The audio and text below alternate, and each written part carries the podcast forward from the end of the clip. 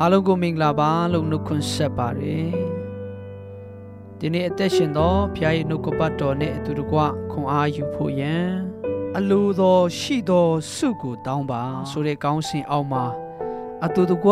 ခွန်အားယူဖို့ယံဖြစ်ပါတယ်106ချိန်မြောက်စာလံအပိုက်ငယ်15ကိုဖတ်ချင်ပါတယ်သူတို့တောင်းသောစုကိုပေးတော်မူ၏သို့တော်လည်း သူတို့၌ပိန်ကြုံခြင်းကိုတွင်ပေးတော်မူ၏ဒီနေ့ချမ်းစာကဘာကိုဆိုလိုတာလဲဣတရေလလူမျိုးများဟာဖျားသခင်အလိုတော်မရှိသောအရာသူတို့အတွက်ကောင်းချီးမဖြစ်သောအရာကိုဆုတောင်းခဲ့ကြပါတယ်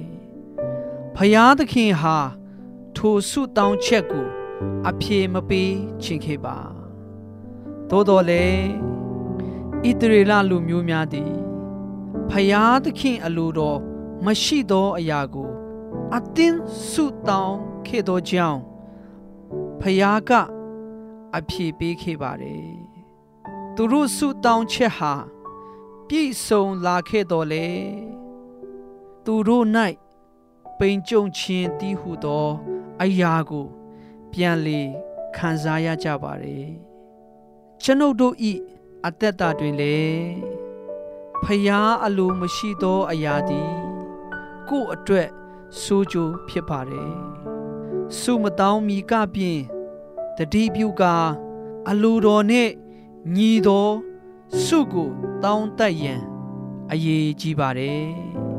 ဒါကြောင့်လက်တွေ့ဘဝမှာဘလို့အသက်ရှင်ရမလဲကျွန်ုပ်တို့ဤအသက်တာထေတွင်ဖျားသခင်အလိုရှိသောအရာကို နှုတ်ကပတ်တော်အားဖြင့်ရှာဖွေကဖျားအလိုတော်နှင့်အညီဆုတောင်းရမည်ဖြစ်ပါတယ်အတူတကွဆုတောင်းကြရအောင်အဖဖျားယုံကြည်သူဓမ္မမိတ်ဆွေများဤအသက်တာဒီကိုတော်ဤအလိုတော်နှင့်အညီဆုတောင်းတတ်တော်သူများဖြစ်စေပါယေရှုရှင်အဖဖျားကိုရောဤမဆခြင်းကို အကျွန်ုပ်အသက်တာထေး၌လိုအပ်ပါ၏ကိုရောဤဖွင့်ပြခြင်းအလင်းပေးခြင်းမရှိလင်အကျွန်ုပ်မှန်ကန်စွာစုမတောင်းတတ်ပါကိုရောအလိုတော်နှင့်အညီအကျွန်ုပ်စုတောင်းတတ်ဖို့ဝိညာဉ်တော်ဖျားမဆတော်မူပါယေရှုခရစ်နာမ၌